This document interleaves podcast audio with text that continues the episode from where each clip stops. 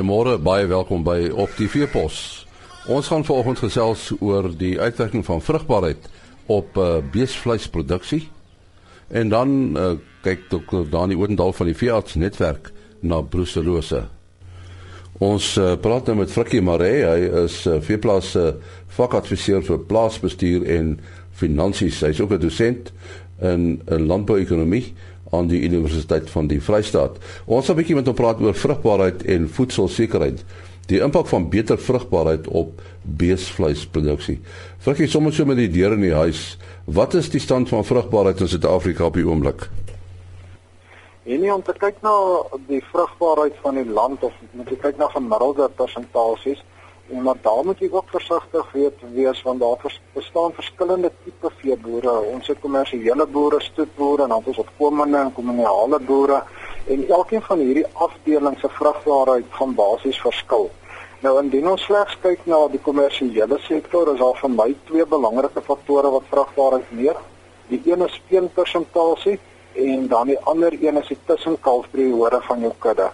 Nou, indien ons uh, na die kalfpersentasie kyk van jou kudde, dan staan hy gemiddeld van die kommersiële boere op um, ongeveer 61% as dit reg is en die tussenkalfperiode is ongeveer 436 dae wat beroerd is indien dit vergelyk word met die kommersiële boere wat aan prestasietoetsing deelneem. So dis die ouens wat se syfers opgeteken word en hulle aan um, kalfpersentasie staan op ongeveer 83%. En en uh, wat is uh, die moontlike invloed van beter vrugbaarheid op op beesvleisproduksie hier in ons land? En as ons net kyk na beesvleisproduksie na die totale syfers van die land, nou in Suid-Afrika is ons is ons 'n netto invoerder van beesvleis. So dit beteken heidaglik produseer ons ongeveer 676 miljoen kilogram vleis en ons moet nog steeds amper 60 miljoen kilogram elke jaar invoer. Nou indien ons ons vrugbaarheid basies kan verhoog en ons kan slegs die kommersiële kudde se vrugbaarheid verhoog na 'n uh, um kalfpersentasie van 83% en 'n tussenkalfperiode van 365 dae. Dit beteken basies dat elke koei elke jaar kalf. Dan gaan ons die totale um vleisproduksie in die land basies met 47% laat styg en dit gaan ons 'n netto uitvoerder van beesvleis maak in plaas van 'n netto invoerder. So hoe gaan mense nou vrugbaarheid verbeter dan? En nee, dan kan ons 'n paar maniere waar na mense moet kyk. Nou so daai dink aan vrugbaarheid, dink jy dadelik aan jou vroulike diere. Um en een van die probleme kan by vroulike diere wees so om dit te verbeter met die kyk koeie wat nie elke jaar kalf nie met basies onmiddellik uitgeskot word aan um, boere met goeie vrugbaarheid selekteer goed vir vrugbaarheid en 'n koei wat oorslaan kry nie of 'n vers wat oorslaan kry nie 'n tweede kans nie. Maar dit is ook belangrik om te kyk na jou manlike diere. Aan sekere siektes wat die manlike dier se vrugbaarheid kan beïnvloed, kan selfs 'n baie groter finansiële effek hê op jou boerdery of op jou plaas aangesien een manlike dier vir 'n klomp vroulike diere moet dek en jou um, kalfpersentasie dan drasties gaan afneem. En uh die die verhoging van vrugbaarheid, is dit 'n lang proses uh of is dit maar net 'n uh, enkele seisoene? Nee, ek dink om dis sowel kan dit in 'n kort tyd korttermyn verbeter word sowel as in langtermyn en korttermyn as jy kyk na om um, faktore soos voeding wat jy daar kan verbeter om jou koeie se siklusse om beter te sinkroniseer om te kyk na jou hulle se gesondheid kan jy dit baie vinnig verbeter maar oor die langtermyn moet jy ook kyk na die effek van teeling en seleksie op jou kudde en jy moet dus um, om jy regtig jou om um, kalfpersentasie op te tel en al die koeie wat daar oorslaan of wat langer tussen kalfperiodes het uit te skop gaan jou 'n langer aantal jare vat. En, en watter rol uh, speel stoetboere wat hierdie saak betref? En ek dink stoetboere speel 'n baie groot rol. Die stoetboere vir um, produseer basies die goeie aandeel diere wat dan weer na die kommersiële sektor te versprei word en om weer goeie diere van stoetboere af te kry koeie met goeie reproduksiewaardes, bulle met goeie vrugbaarheidssyfers kan jy kommersiële boer redelik baie help indien hierdie diere in sy kudde ingebring word. Ja, as mens nou in die geval aan beeste dink, dan dink jy aan vleis, maar natuurlik daar's ook die melkkant, nê. Nee. Ja, en die melk is dan of by melkbore, die meeste van die melkbore gebruik KI of kunsmatige inseminasie vir hulle aanteel en voortplanting, maar um indien jy daarna kyk, is daar ook faktore wat kan die kalfpersentasie kan beïnvloed en die dinge kon nie kalf kan sien nie melk gee nie.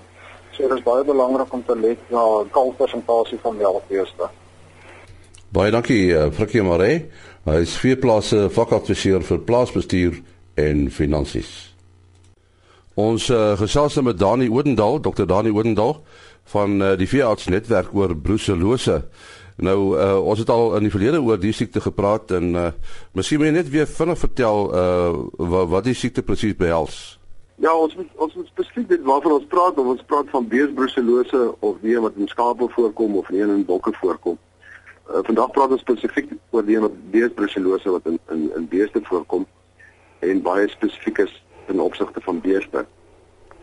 Die groot ding is dis een van die belangrikste siektes in die land wat die staat staat beheer moet word.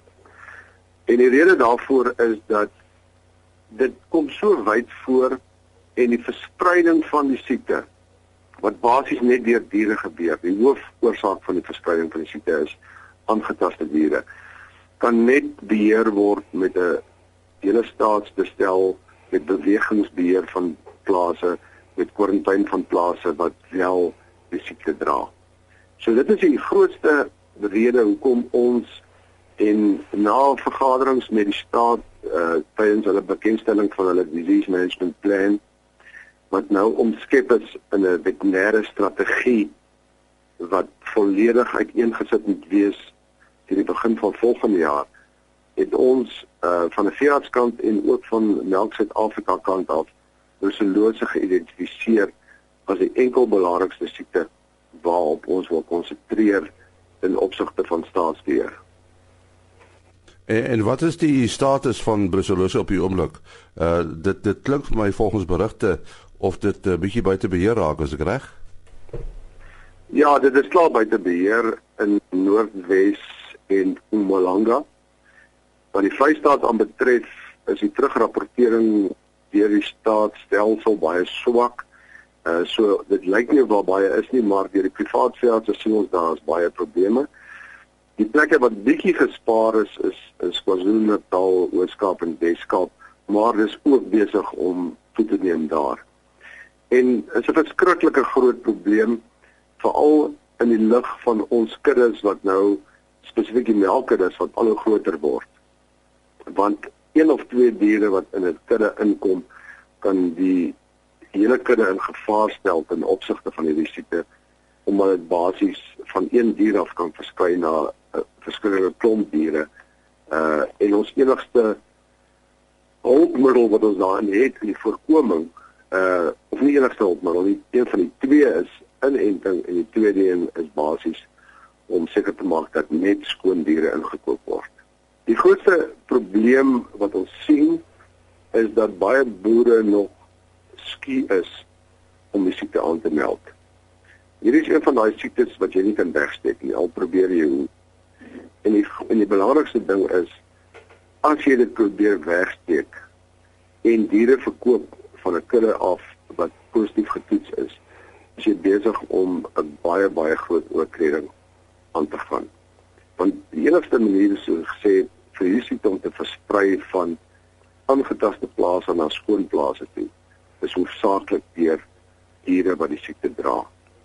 So boere moet een ding besef en dit is as daar brucellose op 'n plaas is, moet dit gediagnoseer word. Dit moet aangespreek word.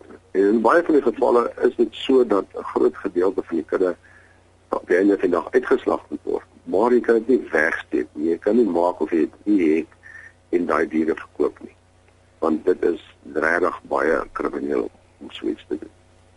Uh, daar was 'n probleem dat uh, diere oor uh, uh, ja eintlik oor provinsiale uh, grense vervoer word. Uh, sou dit die probleem vererger? Kyk die vervoer maatreëls wat ons in Suid-Afrika het word tot 'n baie min mate toegepas. Die regulasies wat daarom vervoer is, dit gaan nie soveel as uh vervoer tussen provinsies nie behalwe as die staat so 'n regulasie afgekondig het daar is paar siektes wat dit wel gebeur soos Byvoorbeeld eh uh, parasiete uh is daar sekere areas waar in diere nie vervoer op beweeg mag word nie, daar skoon gebiede. Uh in die geval van brucellose het ons nie baie spesifieke maatreëls daaroor nie. Maar soos jy reg sê, die bewegingsbeheer van diere is iets wat baie aandag moet geniet en daarmee saam die identifisering van diere. Nou daar's twee goed. Die eerste ding is ons het nie 'n nasionale stelsel waar deur diere geïdentifiseer word nie. En in die geval van brucellose, wat jy weet of 'n dier skoon of aangetast is. En dan die tweede ding, die toepassing van bewegingsbeheer. Uh is daar amper geen toepassing op hierdie stadium nie. En en hierdie siekte uh, vereis dit. So ons voorstel gaan wees in hierdie veterinêre strategie waaraan nou gewerk word om al die maatreëls in plek te stel wat nodig is om brucellose te beheer. Dit is 'n enkel siekte, maar indien hierdie siekte effektief beheer kan word, kan ons enige ander siekte in Suid-Afrika beheer, want al die mense en fasiliteite soos laboratoriums is in plek. As ons nie brucellose kan beheer nie, kan ons basies geen ander staatsbeheerde siekte effektief beheer nie. Uh, Dani, jou telefoonnommer 082 My telefoonnommer is 0824540532. Ons is altyd ek verkies dat boere eerstens met hulle plaaslike veearts praat uh vir my gesels of dat die veearts terugkom na my toe. Dit was dokter Dani Odendaal van die veearts netwerk wat gesels het oor brucellose. Môreoggend om 4:45 is ons terug. Tot dan, mooi loop. Ah.